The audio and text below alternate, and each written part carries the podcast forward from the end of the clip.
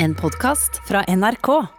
Det er OL i Japan i disse dager, som ingen har unngått. Eh, Nicolay Ramm her i NRK parodierte en japansk TV-vert med paljettjakke, stor sløyfe og høy sveis i sitt humorprogram Helt Ram.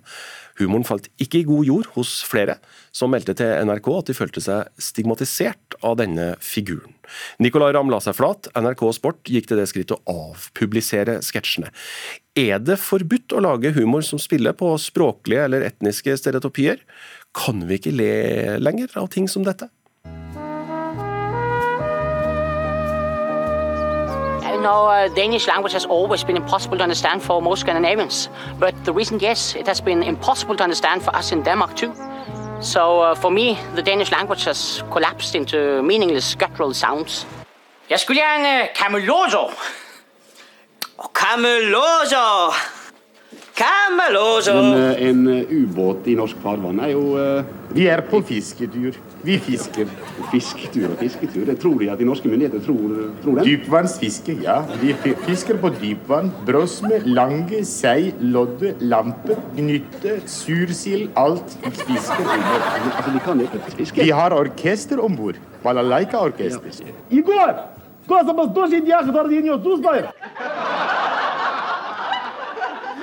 Ja, Den grensen vi skal snakke om, redaktør Dan Bitsjoy i kulturavisa Subjekt, den går jo da ikke under vann. Eh, Du mener NRK ikke burde avpublisert sketsjene til Nicolay Ramm, og hvorfor det?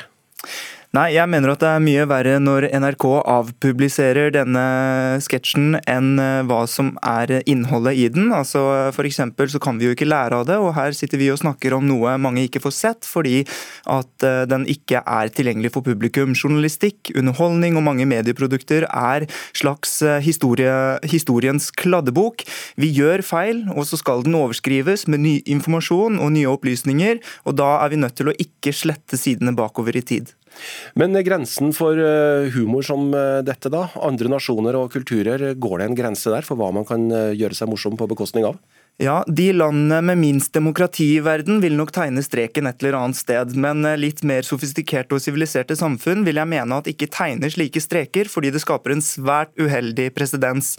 Eh, Så jeg skal også være veldig varsom med å si hvor den grensen går, men jeg mener jo at det skal være veldig stor takhøyde for eh, humor som kunst, som forskning, som journalistikk, nettopp fordi at den skal sprenge grenser. Den skal være politisk ukorrekt, og den skal formidle både følelser og fakta. Men akkurat i dette tilfellet, da, er det nødvendig å bruke stereotopier og tulleaksent, alt for å få fram dette poenget om at japanske gameshow er veldig overdreven? Det er et godt spørsmål, og det har et veldig subjektivt svar, så det spørs hvem du spør.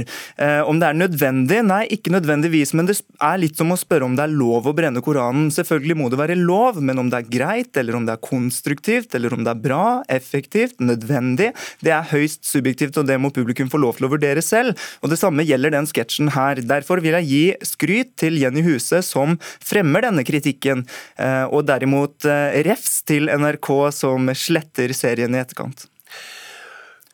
Altså, og Dette er jo et spørsmål som er veldig naturlig å stille da også til deg, Dan Byrchai, personlig. For under koronapandemien har jo mange med asiatisk bakgrunn, som deg sjøl, eh, altså mange i alle fall har opplevd rasistiske tilrop og ubehagelige situasjoner. Jeg vet ikke om du har gjort det, men det har jo vært snakk om kinavirus og kung flu og alt. eh, Dette er jo ganske dårlig timing da, å begynne å bruke yellowface og parodiere asiater. Da. Ja, altså eh, Jeg føler meg ikke krenket av det, men det sagt så har jeg full forståelse for, for folk som gjør det. Og jeg vil si at det mest nedrige her, det er helt uhørt å komme med slike direkte, eksplisitte rasistiske utsagn som også Jenny Huse har møtt. Eh, men det er veldig viktig å skille mellom regelrett hets og hat, og det som er fri journalistikk, fri humor, fri kunst. Fordi Hvis vi ikke klarer å skille mellom de to, så vil begge to vannes ut, og det er veldig farlig i et demokrati hvor kritikken og humoren og kunsten skal stå sterkt. fordi humoren kan jo f.eks. samle oss i svært mørke tider, og humor den er veldig effektiv når den er politisk ukorrekt, når den er gal, og det er da den er også morsom. Så vi må bli bedre på å tolerere den type humor som i første øyekast virker kanskje unødvendig. Helt til slutt, Dan Bichoy. hvem synes du skal ha ansvaret for å sette grensen for hva som er lov å tulle med? Er det de som blir såret, eller er det komikerne, eller er det NRK?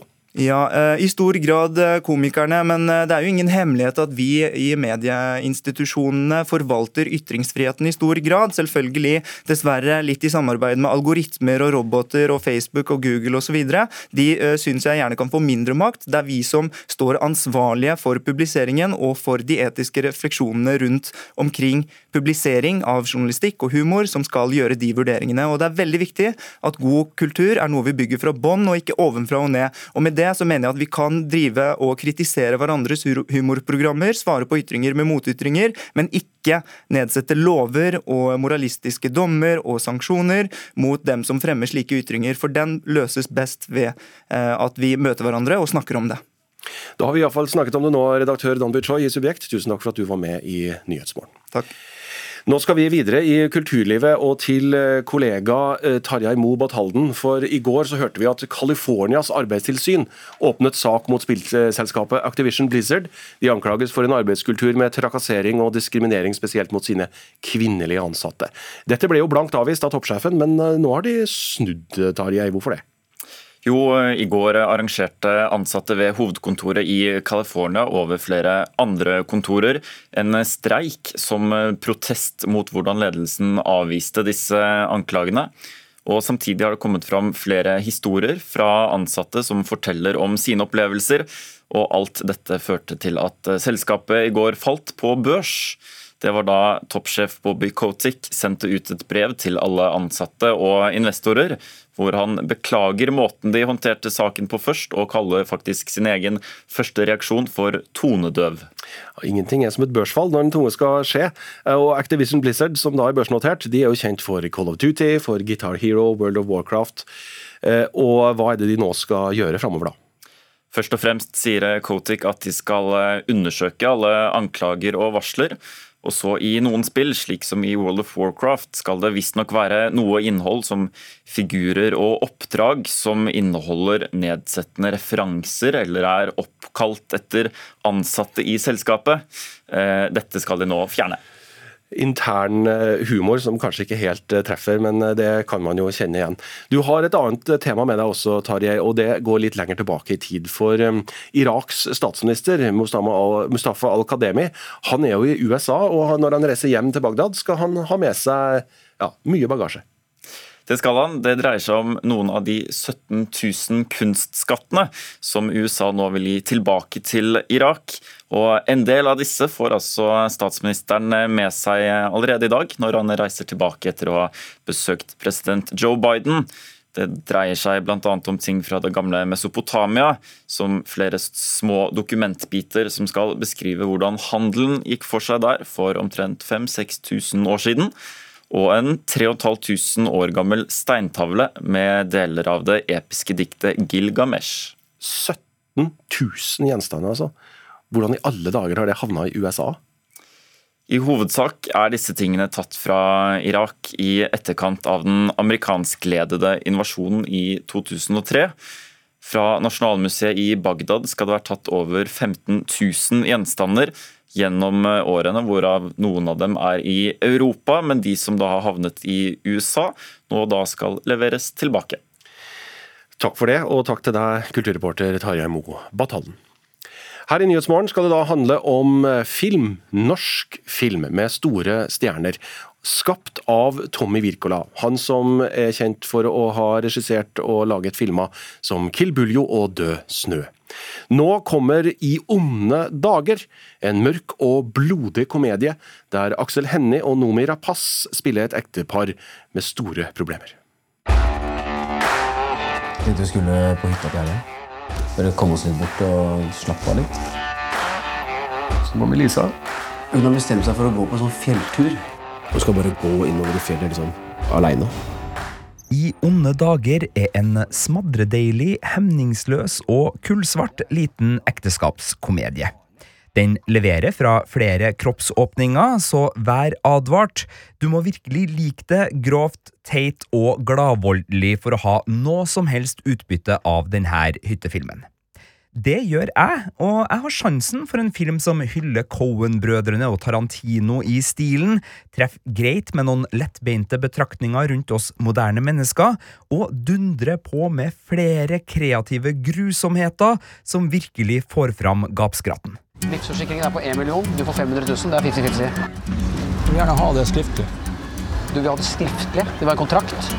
En skriftlig utredning på hvordan vi har tenkt å drepe og partere kona med. Har du hørt om bevis? Ekteparet Lars, spilt av Aksel Hennie, og Lisa, spilt av Nomira Rapaz, er møkk lei hverandre. Og under helgas hyttetur har de begge tenkt å drepe den andre. Men da tre fengselsfugler på flukt snubler inn på hyttetunet, så må mordplanene vike for mer presserende overlevelsesbehov. Det er ingen stor historie her, og filmen har et mellomparti som ikke helt holder koken. Men overraskelsene kommer tett, kjøttsårene kommer enda tettere, og det er en vilter og herlig energi i mange av scenene som driver handlinga framover. Aksel Hennie og Nomi Rapaz er dyktige skuespillere som får mye gjenkjennelig ekteskapsaggresjon ut av noen relativt korte etableringsscener. Her er det nok biffjåleri, brettspillkrangling og nesepilling til at vi kjøper avskyen de har utvikla for hverandre, og nok kjemi til at vi heier i hvert fall bitte litt på dem tross alt. Klart Vi skal ikke blande oss for mye inn i deres saker, vi, men uh, kan jo virke som dere har et lite samlivsproblem. Filmskaper Tommy Wirkola blander elementer fra sort krimkomedie, splatter, hytteskrekk og en klype skandinavisk samlivsdrama i denne lekende sjangermiksen. Og sjøl om han låner en del fra sine forbilder, så har han full kontroll på toneskifter og referanser. I god Tarantino-stil brukes kjente norske poplåter for å gi trøkk og stilpoeng til flere sekvenser. Dialogen har også tidvis en smak av filmens amerikanske inspirasjonskilder, men i Atle Antonsen, eh, som spiller sjefskurken, sin særegne framføring, så får filosofisk gangsterprat en ganske naturlig plass på den norske hytta. I onde dager er definitivt ikke en film som passer for alle, men den passer da utmerket for dem som vet at de digger Tommy Wirkola sine filmer. Og for alle som har savna 90-tallsfilmens barnlige glede over å tråkke over grensa, så er det her en nostalgisk homasj til filmvoldsfascinasjon og videokiosk-humor som strutter av en oppriktig kjærlighet for det drøye og det vulgære. Hva i helvete er det som foregår her?! Terningkast fire. I onde dager, anmeldt av Sigurd Vik. Du kan lese både hans anmeldelse av denne filmen og flere andre anmeldelser av alt mulig rart som vi anmelder her i NRK, på nrk.no skråstrek anmeldelser. Skulle være ganske greit å huske. Du har hørt en podkast fra NRK. Hør flere podkaster og din NRK-kanal i appen NRK Radio.